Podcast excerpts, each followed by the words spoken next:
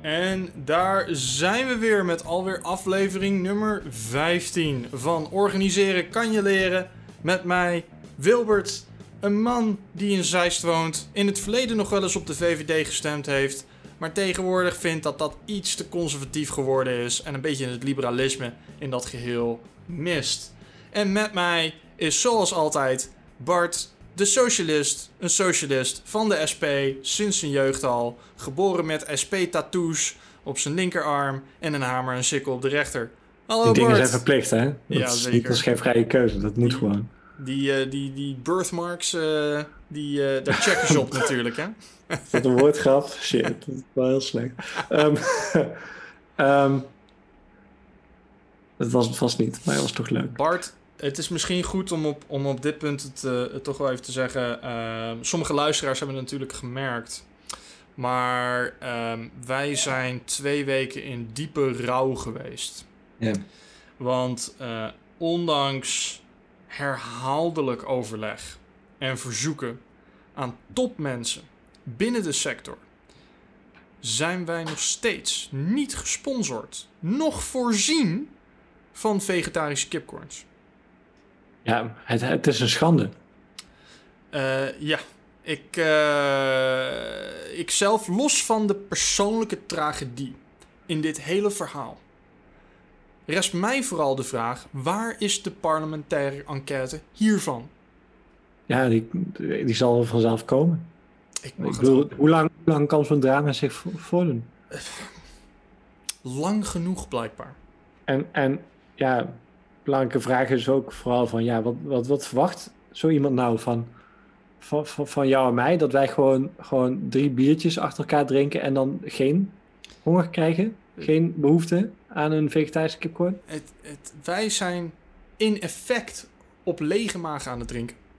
Dat kan Ja. niet goed zijn voor onze gezondheid.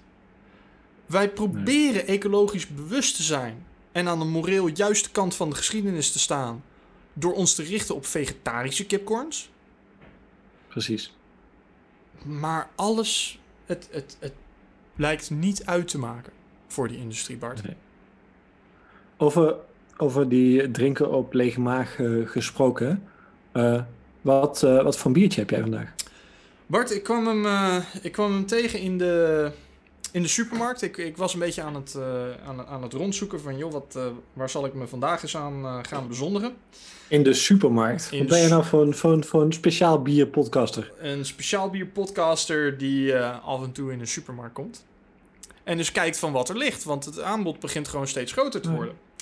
Waar. maar ik dacht van, joh, ik wil, het, ik wil het een beetje licht houden. Een beetje zonnig houden vandaag vanwege al die hitte. Want het is natuurlijk erg warm. Ehm, en ik kwam een, eh een, een Chouf Soleil tegen. Ah ja. ja. Een Belgisch zonnig biertje.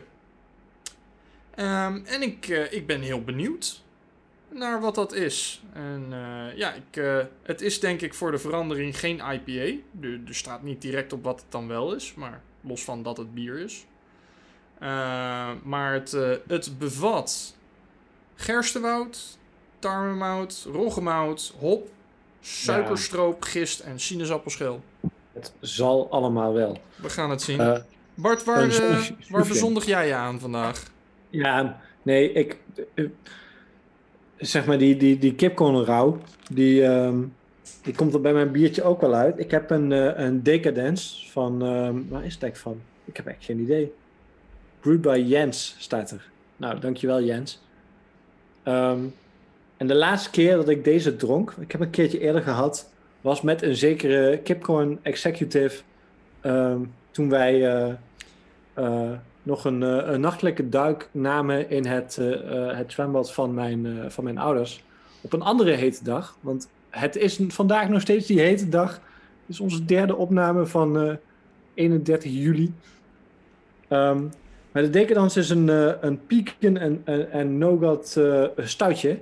Dus ja, ik heb weer een stout voor mijn derde, Ach, derde biertje. En dat probeer ik er wel in te houden. we zijn weer Ik terug moet wel af. zeggen, bij mijn slijt, ik heb echt een, ik heb een erg goede slijter, maar ehm, de, de, de stouts die ik interessant vind beginnen wel op te raken. Ehm, maar ik heb ze nog niet allemaal voor de podcast gedronken, dus ik ga af en toe weer een nieuwe bijhalen. Dus eh, zo. Oh ja, dit ruikt wel goed. Hartstikke mooi. Proost. Bart, proost. Hmm. Mm. Oké, veel schuim. Eh, heftig biertje.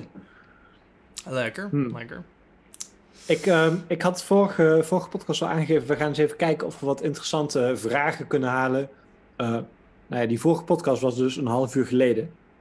Ehm, dus die, die, die vraag heb ik nog niet opgehaald. Eh, maar heb jij misschien vandaag een, eh, een onderwerp eh, waar we over gaan praten? Wil? Nou, Bart, we, hebben het er, we hebben het er lang niet over gehad. En het ligt wellicht een beetje buiten onze comfortzone. Maar ik, ik las onlangs een, een artikel op, op BBC. Ehm, en wat, ik, wat ik daarna gevalideerd heb bij enkele andere bronnen, dat ehm, Trump is een proefballonnetje nu aan het oplaten over het uitstellen van de verkiezingen. Ja. Vanwege, vanwege de hele corona-problematiek. Ehm, die, eh, nou ja, goed. eh, als het om scholen gaat, is het allemaal niet zo erg. En kunnen ze gewoon open en kunnen kinderen weer naar school. Maar als het over verkiezingen gaat, is het blijkbaar een drama. En, eh, en, en moet het absoluut uitgesteld worden. Ehm, en ik zat zo te denken van, joh. ehm, wordt het niet eens tijd voor onze lang uitgestelde Trump-aflevering? Ik denk dat je daar, eh, daar gelijk in hebt. Dus we gaan het een hele afle een half uur lang over Trump hebben. We gaan het. Nou, ik weet niet of we het noodzakelijk over Trump moeten hebben. Ehm, maar meer een beetje van, joh, waar Trump voor staat. Want hij is, Hmm. wat dat betreft, hij is, een, hij is een fantastisch voorbeeld. Maar hij is zeker niet de enige eh, eh, demagoog-politicus die, die op is geklommen en aan de macht is gekomen. Oké. En, en we, hebben het, we hebben het onderwerp natuurlijk al, al wel een paar keer geraakt. Hè? Eh, Demagogie, populisme en de rol van media in de politiek.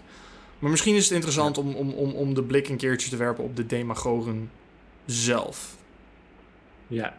ja. Wil je beginnen bij die verkiezingen en hoe hij daar tegenaan kijkt en wat hij daar nou eigenlijk aan het doen is? Ehm, het is wel iets wat echt deze week, dus de week van eh, de, de laatste week van, eh, van juli erg het nieuws is. Hè? Dus Trump die stelt voor van joh, we zitten midden in die eh, coronacrisis en het zal waarschijnlijk nog wel, zelfs, zelfs hij geeft nou toe, het zal waarschijnlijk erger worden. Het heeft even geduurd. Yep. is- Ja. Oh, ja, het is een zijpaadje. Ik ga er gelijk even op, want dan hebben we het maar besproken. Ik ben dus echt bang, joh. Ehm, hoe groot de economische neergang is in de VS. Ehm, Hmm. Ik moet zeggen, ik schrok nog erger door de berichtgeving erover, omdat men het voor, voor elkaar had gekregen om te doen alsof de economie 30% was, was teruggegaan. Eh, nee, nee eh, deze maand was het 9. En als je dat doortrekt voor vier maanden, dan kom je ongeveer uit. oh, sorry, voor 12 maanden, dan kom je ongeveer uit op. ja, ik zeg dit nu nog fout. Deze, dit kwartaal was het 9% krimp. Hm. En als je dat doortrekt, dan kom je ongeveer uit op, eh, op iets in de 30. Ehm, maar goed, ook die 9% is, is, is enorm. En die 30 jaar, als dat zou gebeuren, dan is het gelijk oorlog. Ja. Ehm, maar dat is gelukkig niet zo. Maar dan, dan nog, ehm, waar je hier en daar nog wat, wat, wat eh, opkrabbel, eh, opkrabbelende economieën ziet, gaat dat in de VS toch nog wat ingewikkelder. Er zijn zeker ook op de plaatsen waar veel geld wordt verdiend, dus in Texas en in, in Californië. Ja. Ehm, ja, dat wordt echt, echt dramatisch. Nee, ik, eh, Ehm. ik, ik, ik, ik merk het eh, persoonlijk al. eh, van een van mijn, een van mijn klanten Hm. zit in Amerika. Dus ik, ik factureer daar maandelijks aan. En eh, ik, ik, was laatst, eh, ik was laatst aan het terugkijken. Ik, eh, voor de eerste keer dat ik hun factureerde was in, was in maart. Hm. En toen was uit mijn hoofd was, was de dollarkoers eh 93 eh, eh, op, op 93. Dus dat betekent 1 dollar was 93 Ja. eurocent. Ehm, inmiddels is het eh 85. Ja. Ehm, en dat is wel. hij loopt heel snel achteruit. Dat maakt jou wel aantrekkelijk. Dat, nou, dat maakt mij. Nou, nee, want ik factureer hun nog steeds hetzelfde in dollars. Oh, oké. Ik verdien er gewoon minder op. Ja, Ehm, en, en, en, en tuurlijk, ik, ik, ik, ben maar, ik ben maar een ZZP'er eh die, eh, die zijn BTW naar het buitenland verlegt. Ehm, maar wat dit, wat dit gewoon concreet betekent, is dat de, de, de Amerikaanse koopkracht in, eh, in de internationale handel is gewoon sterk aan het dalen. Hm. En dat is een, en dat is een probleem. Ja. Eh, dus ja, ik, ik, ik, ik, ik snap jouw angst. Ja. ja, ik denk trouwens dat dit. ehm, dit maakt eigenlijk de VS een makkelijker land om vanuit de export. Dus je zou kunnen zeggen van nou, als die dollar daalt, dan, eh, dan kan de VS eh, makkelijker zijn, hun zaken verkopen in het buitenland. Ehm, dus jij bent eigenlijk helemaal niet aantrekkelijker als je in euro's zou rekenen. Maar je rekent in dollars, dus dat, daar heeft, Webland nog geluk mee. Maar goed, kijk, het gaat daar toch helemaal fout lopen. Dat zien we nou wel. En, en hoe erg, dat gaan we de komende tijd zien. En hopelijk valt het allemaal mee. Want het probleem bij dit soort dingen is altijd... Het, het, het, het gaat gewoon over mensenlevens. Mensen gaan gewoon dood als het economisch slecht gaat. Gewoon meer mensen gaan dood, meer mensen eh, lijden. Uh, en als het in de VS slecht gaat, betekent dat dat over de rest van de wereld... waar de VS hun, hun, hun zaken kopen... Uh, nog veel meer mensen doodgaan of honger lijden. Dus dat is allemaal, allemaal vreselijk. Maar ja, ja terug naar Trump. Um, dus deze week zit hij te speculeren over het uitstellen van de verkiezingen. Laten we wel wezen, en ik denk zelf dat, dat zelfs Trump dit doorheeft, dat gaat niet gebeuren. het is gewoon nog nooit gebeurd. Uh, uh, de, de, al vrij snel waren zelfs een, uh, een aantal hele trouwe aanhangers van Trump zeiden van joh, dat, dat gaat niet gebeuren. we hebben het in de, in de Tweede Wereldoorlog door laten gaan, we hebben het in alle crisissen door laten gaan. Het gaat nu ook door. Trump ja. heeft zelf trouwens, zijn punt is vooral van joh, er wordt, gaat veel per post worden gestemd en dat is, is problematisch. Trump heeft zelf ook heel vaak per post gestemd. Nou, maar goed, dat is... de man is nooit echt heel erg uh, Klopt. Uh, consistent geweest. Dus Nee, het en zou dat- geen moment zijn om daarmee te beginnen. Ja, en dat, dat is een beetje zijn, zijn techniek ook. Hè? Hij, hij leunt best wel hard op eh, wat, wat, wat, wat soms ook wel FUD genoemd wordt. Hè, FUD, FUD. Fear, Uncertainty and Doubt. Hm. Ehm, is dat hij ehm, heel veel van wat hij zegt... Is, zijn niet noodzakelijk dingen waarop hij, eh, waarop hij wil, wil, wil, wil doorgaan. Ja. Ehm, maar meer juist bedoeld om, om ruis te creëren vaak. En dit is. dit, dit, eh, ik heb eh, een paar jaar terug heb ik, een, heb ik een fantastisch boekje gelezen van. Moet ik wel zeggen dat iemand die best wel positief naar Trump, Trump kijkt. Het boek Win Bigly Hmm. van. ehm, Ja. eh, God, ik ben zijn naam even kwijt. Dat, We hebben het er vaker over gehad in deze gaat in de podcast. show notes staan. Ehm, eh, maar, maar de auteur van de Dilbert eh, comics. Ehm, en nou, goed, dat staat natuurlijk dicht tegen mijn naam aan. Ehm, maar die, die heeft best wel... En best zijn wel echt ontzettend leuke comics. Gaan we ook even in de show notes zetten. Zeker, zeker. Uh, maar dat is een best wel goede analyse eigenlijk van de technieken die Trump gebruikt. En waarom die gewonnen heeft en, en hoe hij dat nog steeds aan het gebruiken is. Dat eigenlijk een, een hele hoop van de dingen die hij zegt... Dat, dat, dat zegt hij eigenlijk gewoon omdat hij, omdat hij het gesprek in een bepaalde richting wil krijgen... of omdat hij de aandacht af wil leiden van bepaalde andere dingen. Dus op het moment dat mensen heel erg ontstemd raken over potentiële verkiezingsuitstel... betekent dat ze minder aandacht besteden aan de coronacrisis... Of, eh, of, of de housing crisis. Dus een van de dingen waar, waar Amerika nu, uh, nu tegenaan kijkt, bijvoorbeeld, is dat, uh, en dit, dit, dit, was, was, was heel erg mooi uitbelicht in een recente aflevering van Last Week Tonight met uh, John Oliver. Uh, wat een uh, fantastische onderzoeksjournalistiek show is, vermomd als comedy. Uh, maar die, uh, een van de dingen die daar speelde is dat aan het begin van die coronacrisis, toen alles op slot ging, heeft de Amerikaanse overheid eigenlijk gezegd van joh, je mag geen huren innen voor een paar maanden. Uh, dat betekent niet dat ze stopgezet werden of dat de overheid er garant voor stond. Nee, betekent gewoon je mag niet innen. En die periode die loopt straks ten einde. Wat betekent dat er een hele hoop Amerikanen zijn die eigenlijk werkloos thuis hebben gezeten, die heel weinig verdiend hebben. Die in één keer, uh, ik geloof uit mijn hoofd, vier of vijf maanden huur uh, moeten gaan betalen. En er wordt, wordt nu geschat dat de, dat de dakloosheid gaat toenemen met een aantal miljoen mensen. Nou, dat is een gigantische humanitaire ramp die op het punt staat om te gebeuren. Maar wederom, als mensen het gaan hebben over het uitstellen van de verkiezingen, ondanks dat het waarschijnlijk niet gaat gebeuren, betekent dat de aandacht daar weer van wordt afgeleid. En dit is ja. eigenlijk de, de, de, de, de, de, de kracht van Trump, moeilijk als dat het is om te zeggen, als, als, als demagoog, is dat hij ongelooflijk goed is in het controleren van de nationale dialoog daar. Ja, je hebt, je hebt een aantal van die klassieke economen die altijd omschrijven dat de economie een soort van wild beest is. Hè? Dus, dus dat emotie een hele zware rol speelt. Uh, en iemand zoals Trump die probeert daar ook altijd op, op, op, uh, op in te gaan. Ik moet altijd, als ik uh, Trump zijn verhaal zie houden, moet ik altijd denken aan een aflevering van Louis Theroux. Mm -hmm. Sowieso Louis Theroux, oh, fantastische doc ja. documentaire maken. Ik, nog even een om, omweggetje hierbij. Ik kijk hem altijd om mezelf eraan te herinneren hoe, uh, hoe flexibel en hoe vergaand uh, mensen kunnen geloven in, in dingen die voor mij vrij onvoor, onvoorstelbaar zijn. Dus uh, zeg maar in de hele milde vorm is dat zeg maar jij. Dus jij bent liberaal, jij, jij denkt op een bepaalde manier over erfbelasting. Uh, ik denk daar heel anders over. Mm. Maar ik, zeg maar, dit staat allemaal niet zo verschrikkelijk ver, want die ideeën die daaronder liggen, die zijn echt niet zo heel erg vreemd voor mij, want ik, ik leef ook in deze samenleving en ik kom ook heel veel mensen tegen die het vinden. Um, maar Louis Theroux, die verruimt dat echt gewoon met, met, met, met, met sprongen. Uh, naar, naar mensen die zulke vreemde dingen uh, denken, maar toch ook gewoon mensen zijn. Hè? Er is niet echt iets extreem mis met die mensen. Uh, in de meeste gevallen. Soms ook, ook, natuurlijk wel. Um, en een van de afleveringen die hij heeft gemaakt gaat over, over zelfhypnose. En met name in de VS heb je vrij veel boeken die, en, en, cursussen uh, die worden geschreven en die worden gehouden over uh, hoe word je nou succesvol?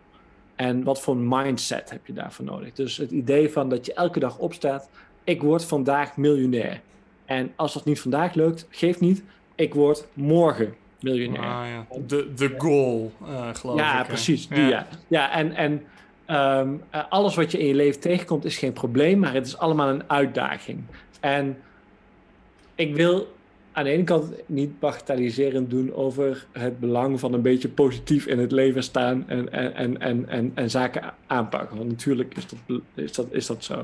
Tegelijkertijd is het volstrekt belachelijk dat je je nooit gewoon, gewoon kut mag voelen. Weet je, dat, dat mm. hoort er ook gewoon bij. uh, en dat alleen maar, hè, en, en dergelijke, dat, dat kun je ook niet alleen maar, voor, voor sommige mensen kun je dat ook gewoon niet alleen maar oplossen met gewoon even anders gaan denken. Dat kan soms medisch zijn, het kan van alles zijn, het kan therapeutisch zijn, daar kun je van alles mee doen. Um, deze groep mensen die denkt dus van, joh, het maakt niet uit wat we tegenkomen in het leven. Als ik maar positief denk, dan komt het goed. En als dat niet werkt, dan komt het morgen wel goed. Dus het kan ook nooit echt fout gaan. ook als het achteruit gaat, oké, maakt niet uit, want morgen komt het wel weer goed. Uh, en Trump is ook zo iemand die zo praat over reële problemen. Um, dus, dus, dus ook op het moment dat hij het heeft over corona, het is maar een griepje, het is maar dit en dat. En het, wij pakken het beste aan. Door het alleen maar voor te stellen, op die manier wordt het ook een deel van de werkelijkheid. Tot op een zeker punt. Want op een zeker punt slaat die werkelijkheid keihard terug. En ja, dat, dat het is, is er nooit zo duidelijk geworden als nu met, met corona. Ja. Um, en ja, dat, dat is het enige wat ik dan nog soms denk, is als ik hem hoor praten daarover. En het opportunisme wat hij heeft. Uh, hoe vreselijk het, ik het aan de ene kant ook vind. Ik vind het ergens ook ontzettend knap dat iemand dan nog onder al die druk en al die ellende die er daar ontstaat. Uh, ja, knap is het verkeerde woord. Um, ik ben er op een bepaalde manier van onder de indruk. Dat iemand dan nog zulke onzin kan blijven uitslaan. En dat door kan zetten. Ja. Maar goed, misschien. Ik, eh, ja, ik kan er iets van zeggen hoe, hoe geestelijk gezond die man is. Nou, ehm. ik, ik, en, en, en, dat is een, en dat is een makkelijk antwoord. Hè? Het, makkelijke antwoord is gewoon zeggen van... joh, hij is dementerend en, uh, en al dat soort dingen. Maar ik denk dat dat het absoluut niet is. Nee, ik denk het ehm, ook niet. Hè? En, en, en ieder van ons... Uh, ieder van ons heeft een bepaald filter... waardoor wij de realiteit bekijken. Hm. Hè, waardoor we van bepaalde dingen zeggen van joh, dat is goed of dat is slecht of dat is rechtvaardig of dat is onrechtvaardig. Um, en, en, en ieder van ons heeft daarin gewoon zijn, zijn, zijn, zijn biases. Hm. En ik denk, ik denk dat Trump gewoon over de jaren heen een, een, een filter heeft ontwikkeld. Waar hij gewoon in het middelpunt staat. En, en let op, er is heel weinig in zijn omgeving dat hem anders zou vermoeden. hij, heeft zijn, hij, heeft zijn, hij heeft eigen businesses die lopen. Hij heeft om, om de een of andere reden zijn heel veel dingen die hij gedaan heeft gewoon goed voor hem uitgepakt. Nou, of dat te maken heeft met goed zaken doen of, uh, of in sommige mate geluk hebben. Hij heeft, hij heeft evenveel geslaagde zaken als niet. Um, maar, maar, maar ergens denk ik dat zijn standaardbeeld op de wereld gewoon heel erg, uh, ja, niet, niet, niet solipsistisch, um, maar zeker wel. Solipsistisch? Solipsistisch is dat jij denkt dat eigenlijk, eigenlijk alleen jij de enige echte persoon bent. Hm. En, en, ieder ander persoon is een, is een figurant. Nou, er is ook een bepaalde psychologische aandoening waar jij denkt dat jij de enige levende en bestaande persoon bent. Maar goed, dat is iets anders. Maar een zekere, een zekere mate van narcisme is daar absoluut wel ingeslopen. Dus ja. Trump bekijkt eigenlijk alle informatie die binnenkomt naar wat is het effect hiervan op, op mijzelf. een coronacrisis, wat is het effect daarvan op hoe ik gezien word en hoe, ik me, en hoe ik me kan presenteren? Um, internationale betrekkingen met China, hoe straalt dit af op mij? En dat heeft niks met dementie te maken. Dat is gewoon het paradigma waarin hij leeft. Dus, en dat is ook het waardeoordeel dat hij geeft aan dingen. Hè? Als het goed is voor mij, voor, voor, voor, mijn, uh, voor de perceptie van mij of uh, voor mijn eigen succes, dan is het goed. Als het ten koste gaat van de perceptie van mijzelf en de status die ik heb, uh, die, die ik heb gemaakt, dan is het slecht. Is dat de correcte manier om het te doen? Ik denk het persoonlijk niet. Maar dat heeft niks te maken met dementie. In ieder geval. Nee, nee, nee. Mm. Nee, nee, ik, ik, ik bedoel het ook niet echt als serieus. Ik, ik vraag me alleen, ja. Het, het, het, het, het grote probleem alleen, en, en, en ja goed, dit, dit, dit is ook een beetje dat denken in termen van de goal en, en al dat soort dingen. Kijk, als iemand dat persoonlijk doet, prima. En als het persoonlijk wat minder goed met je gaat, maar jij bent nog steeds van mening van nee, maar morgen gaat het beter komen. Helemaal prima, want de grootste schade die je daarmee kan aanrichten is jezelf en wellicht een stukje je omgeving. Maar op het moment dat dat de, de modus operandi is van iemand die een land met een paar honderd miljard, uh, miljoen uh, inwoners moet leiden. Als het een beetje slecht gaat, dan is dat niet het gaat een beetje slecht met jou. Nee, dan is het het gaat een beetje slecht met een paar miljoen mensen. Ja. Uh, en dat, dat, dat is heel erg het gevaar dat je ziet daar maar evenzeer bij andere demagogen. Met een Jair Bolsonaro, of met een Boris Johnson, of met een Viktor Orban. En want eigenlijk hebben die allemaal een beetje datzelfde. Ja, dat weet ik niet. Ik, ik zou juist die vergelijking eerder trekken met zo'n persoon die een, uh, een cursus geeft over uh, de goal, zeg maar. Hmm. Dus die, die mensen uh, vertelt van, joh, je moet dit gewoon even kopen en dan vervolgens ga ik jou vertellen hoe jij met het leven om gaat. Zo zie ik Trump veel meer. Uh, hij heeft ook de Trump Academy gehad. Uh, maar goed, aan de andere kant, als je Trump gaat beoordelen op alle soort bedrijven die hij heeft gehad, dan kun je een eind gaan. Ik bedoel, de Trump Stakes en zo bestaan ook allemaal. Ja, um, ja ik, ik, ik weet het allemaal niet zo goed. Tegelijkertijd ook, hè, um, ook de VS is een land met een hele hoop uh, checks en balances. Het is ook niet zo dat mocht je nou een tijd een, eh, een, een, een, een persoon hebben als president die de zaak niet vooruit helpt, dan zou de rest daar nog een soort tegenwicht tegen kunnen bieden. Ja, dat, dat, dat zou je denken. En zo is het land natuurlijk ook wel, wel opgesteld. Uh, hè, waarin, er, waarin er gewoon echt een, een machtsevenwicht is tussen, het, tussen de Supreme Court en de, en de Senaat en de House of Representatives en de, en de executive power. Um, maar wat je nu ziet vanwege ja, toenemend, toenemend tribalisme, is dat die, dat die checks en balances die werken niet helemaal meer uh, zoals, uh, zoals ze ooit ontworpen zijn. Ik wilde trouwens nog, want dat heb ik nog niet met jou besproken, maar dit is een beetje een zijpad van Trump. En dit verhaal wil ik toch nog even vertellen, om maar eens een keertje ergens op een audio te hebben. Um, je hebt dat, dat noodpakket gehad hè, van de Democraten en de, de Republikeinen. Ik heb jou hier wel eens wat over gestuurd, maar laat ik het even uitleggen wat dit allemaal precies is. Mhm. Ehm, dat pakket, daar zat onder andere in dat de meeste, ik geloof, werkende Amerikanen kregen iets van 1000 uh, eh, dollar op hun rekening. Um, waar een aantal andere maatregelen werden genomen. En een van de maatregelen die werd genomen was dat er voor, ik meen, uh, 500 miljard, het zou ook nog zomaar eens wat meer kunnen zijn. De, de precieze bedragen zet ik wel even op, uh, op onze website uh, Mm -hmm. dus die plug zit hier ook nog even in. Um, is vastgesteld dat bedrijven mochten worden geholpen door de Federal Reserve. En hoe werkt dat vervolgens? Uh, de Federal Reserve koopt eigenlijk gewoon schuldpapier op van die bedrijven. En uh, probeert op die manier te zorgen dat hun, hun kapitaallasten wat omlaag gaan.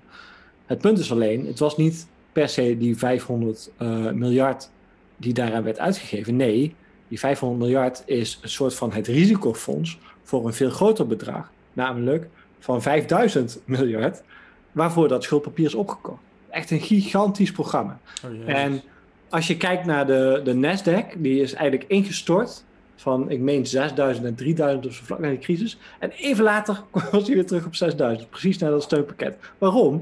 Al die bedrijven, ook al die bedrijven die trouwens voor een deel al, al, al echt dik um, uh, BBB-obligaties uh, uh, hadden, dus, dus, dus echt wel gewoon matig schuldpapier ja. Die kreeg in één keer gigantische hoeveelheid kapitaal toegestuurd van, van, van de Federal Reserve. Um, dit verhaal heb ik voor de eerste keer gelezen bij de Rolling Stone, uh, door, door de journalist uh, Matt Taibbi opgeschreven. Ik kwam het later terug in de New Left, ja, tegen in de New Left Review, toen door Robert Brenner, een meer marxistische econoom, meer marxistisch, super marxistisch. Hmm. Um, verder lees ik hier eigenlijk vrijwel nergens iets over. En dat kan zijn omdat misschien missen zij iets, misschien zitten ze ergens naast. Um, maar het is een, een, een vrij bizar soort uh, programma wat daar is opgeroepen. Um, wat, wat, wat menig socialist en liberaal trouwens ook uh, toch wat, wat angst in de, in de schoenen zou moeten schuiven. Want het gaat echt om heel erg veel geld voor een hele hoop bedrijven die waarschijnlijk er een stuk slechter voor staan dan dat ze nu ja, in ieder geval in verhouding tot de, de, het gemak waarmee zij nu kapitaal toegeschoven krijgen. Ja, maar ook, ook daar weer, als je, het, als je het bekijkt vanuit de optiek van, um, van appearance is everything. Uh, het, zijn, uh, het, zijn, het zijn makkelijk te scoren punten nu.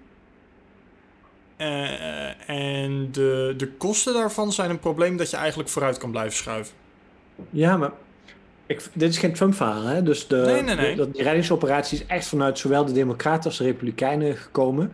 Hmm. Um, je ziet ook nu dat dat in de problemen komt. Dus bijvoorbeeld die, die, die duizend dollar die men kreeg en een, een aanvulling op de werkloosheidsuitkering, die meestal vanuit de staten komen, maar daar wordt dan wat bovenop gegooid vanaf federaal. Uh, daar zijn nu hele grote conflicten over, want de Republikeinen zien dat natuurlijk allemaal niet zitten. En de Democraten zeggen wij willen dat dat doorgaat. En al die mensen die dat krijgen zeggen, wij willen ook dat het doorgaat. En wij gaan over twee maanden stemmen. Dus dat is best wel problematisch voor een aantal uh, republikeinen die op dat moment verkozen willen worden en wiens partij daar tegenin gaat staan. Hmm. Uh, maar goed. Um, terug naar Trump. Um, ja, die verkiezing. Kijk, wat, wat bijvoorbeeld de Volkskrant deze week schreef, is dat hij eigenlijk vooral bezig is met het delegitimeren van die verkiezingen. Ja. Het twijfelen van, van, van uh, het, het, zaaien van twijfel. Ja, fut. Ja. Um, ja, precies, ja. dus dus uh, door te zeggen van, joh, er wordt straks veel gefraudeerd en die verkiezingen, daar kunnen we niks mee. Um, ja, als hij straks niet wint, dan zal hij zich daarop beroepen. En ja, wie weet blijft hij gewoon zitten. Uh, als iemand toe in staat is om dat te doen, is hij het wel. Tegelijkertijd, ik denk dat zelfs in de VS dat niet gepikt wordt. Maar ja, wie weet hè, hoe, hoe hard het allemaal achteruit gaat. Nou, dat, dat, en dat, dat is op zich wel een interessante, is... Um, kijk, ik spreek natuurlijk veel Amerikanen vanwege die Amerikaanse klant die ik heb. Dus ik zit, uh, ik zit uh, denk ik zo'n beetje elke dag van de week wel in conference calls. Hm. Um, en um, je, je ziet een gigantische verdeling in de maatschappij daar. Um, er, zijn, er zijn een paar van de oudere mensen die vergelijken het met de Vietnamtijden.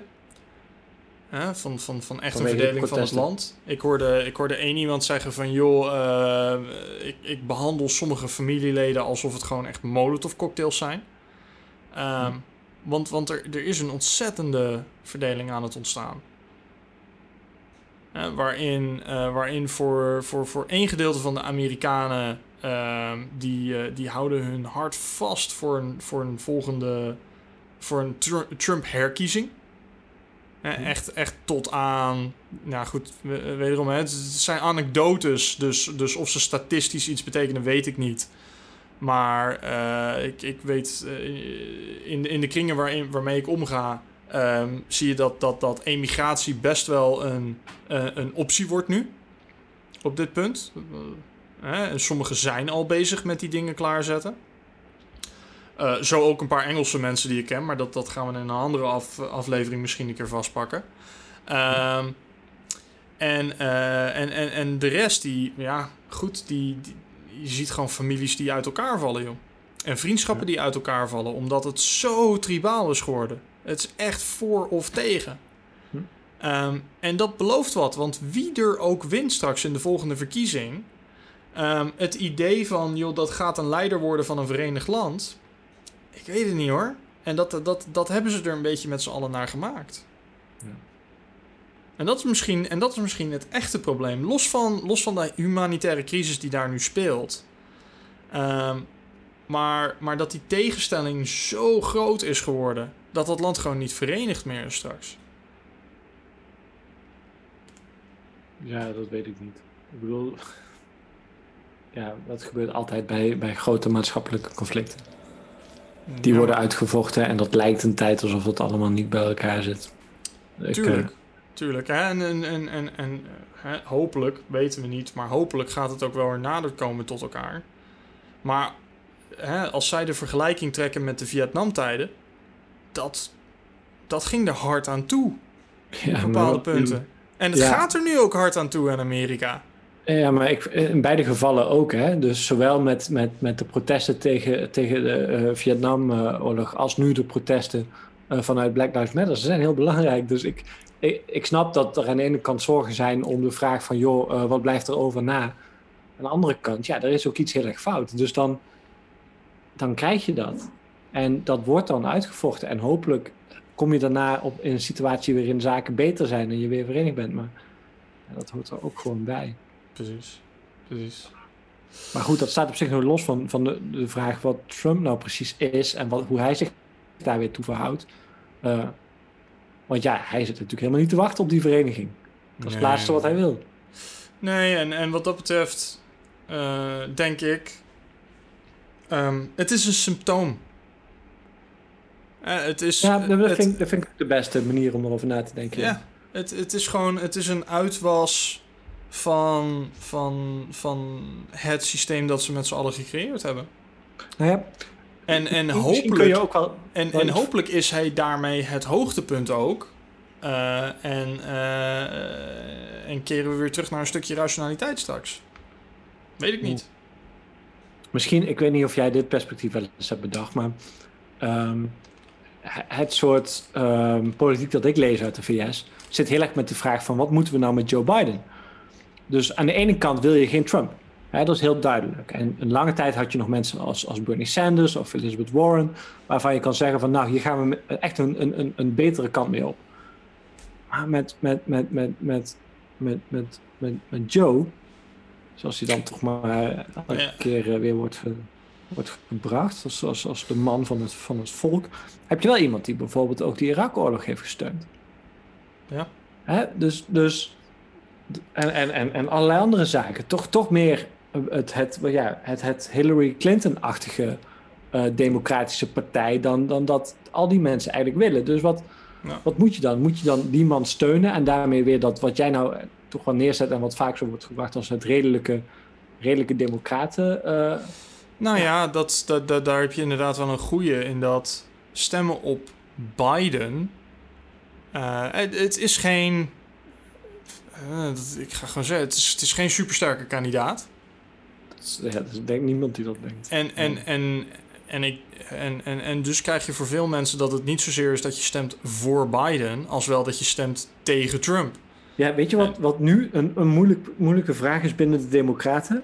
Ehm, Biden is gewoon super oud. En, en, en iedereen begrijpt, die man gaat over vier jaar niet eh, nog een keer die ticket doen. Dus stel je voor dat Biden wint. Dan is de vicepresident is waarschijnlijk de nieuwe democratische kandidaat. Ja. Wie wordt dat dan? Ja, Mayor Piet, duidelijk. Ja, nee, die is al lang afgevallen. Nou, Sowieso nee, hij, is, het hij, is, vrouw. hij is... Hij is, Er is al lang gezegd, het wordt een vrouw. Dus dat is het minst. Het wordt Oh. waarschijnlijk ook... Nou ja, dan, dan waarschijnlijk Warren. Zou kunnen. Warren heeft een aantal zaken voor zich. Maar Ja. je kunt je voorstellen, zeker met de protesten van nu... dat iemand met iets meer profiel op identiteit ook wel belangrijk is voor de Democraten. Ja, en, ook, en ook daar weer, eh, het, het, het moet redelijk squeaky clean zijn. Nou ja, ik denk dat Warren met afstand de beste kandidaat is als het gaat over de crisis. Haar opkomst eigenlijk richting de politiek is gekomen eh, vanuit haar werk. Ik, ik meen dat zij een soort van professor was en vervolgens heel veel heeft gedaan voor eh, consumentenrechten binnen de financiële sector. Hm. Daar in allerlei eh soort van, van expertgroepen is gekomen en zo uiteindelijk de politiek is inbeland. Nou, ze is absoluut Ah. gekwalificeerd. Nou ja, en, en, en op het moment dat het eh, grootste vraagstuk van de VS een economisch vraagstuk zal zijn, ondanks alles wat er verder ook gebeurt, wat er nu economisch gebeurt is zo destructief dat dat zo'n groot eh, vraagstuk zal zijn, zou het, en, en ook trouwens met, als je kijkt naar een beetje de reacties en de manieren van omgaan met crisis van de andere eh, vrouwelijke eh, kandidaten, Mhm. eh, die nu worden genoemd, eh, zou je echt Warren als, als beste kandidaat kunnen zien. Ja, maar ja, Bart, Warren is dat- ook een soort van, van loose cannon, weet je. Zij is best wel, zij heeft zich zeker ook in de voorverkiezing tegen, tegen, tegen Joe Biden best wel hard uitgelaten. Dus Nou, en, dat, eh, en daarmee, eh, daarmee hebben we gelijk een mooi, eh, een mooi volgend topic te pakken. mm, denk ik, de, de technocratie versus de democratie. Maar voor nu rest mij een hele andere vraag. Hoe was je biertje, Bart? ehm, ik vond hem wel oké. Ik denk niet dat ik hem nog eens ga kopen. Want het is de tweede keer dat ik hem drink. En de vorige keer denk ik dat ik al wat meer biertjes op had. En dat, dacht van, nou, dit is wel lekker. Nu denk ik van, nou, het is wel oké. Right. Maar ik merk vaker dat ik, als ik dat derde biertje drink en het is een stout, dat ik dat toch niet zo. Weet je wat mijn, mijn eigenlijke stout drinken, eh Wilbert, is dat ik hem vaak als eerste drink. Mm. Want dan ben je nog het meeste bezig met smaak. Ehm, en als ik dan één stout drink, of misschien twee, dan heb ik ook eigenlijk wel genoeg voor de avond. Want het is gewoon zwaar bier. Ja, Deze is ook 10%. Eh, maar nu als derde biertje denk ik van, nou, nee. het zal.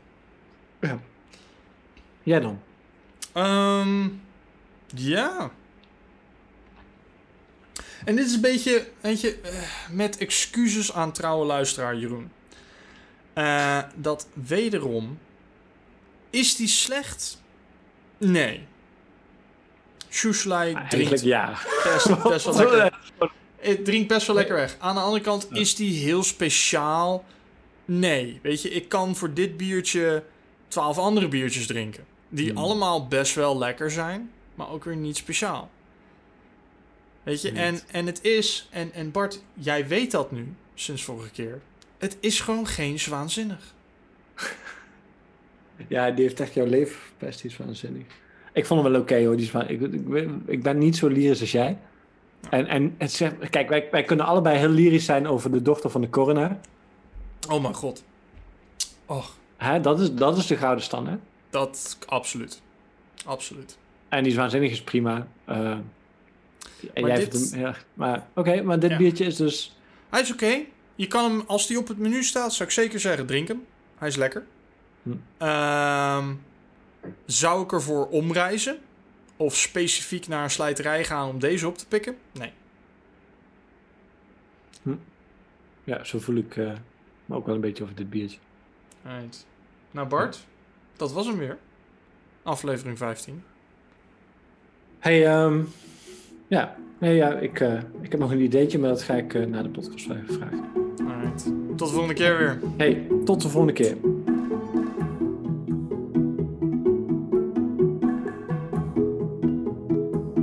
Dank jullie wel voor het luisteren van deze aflevering van Organiseren kan je leren.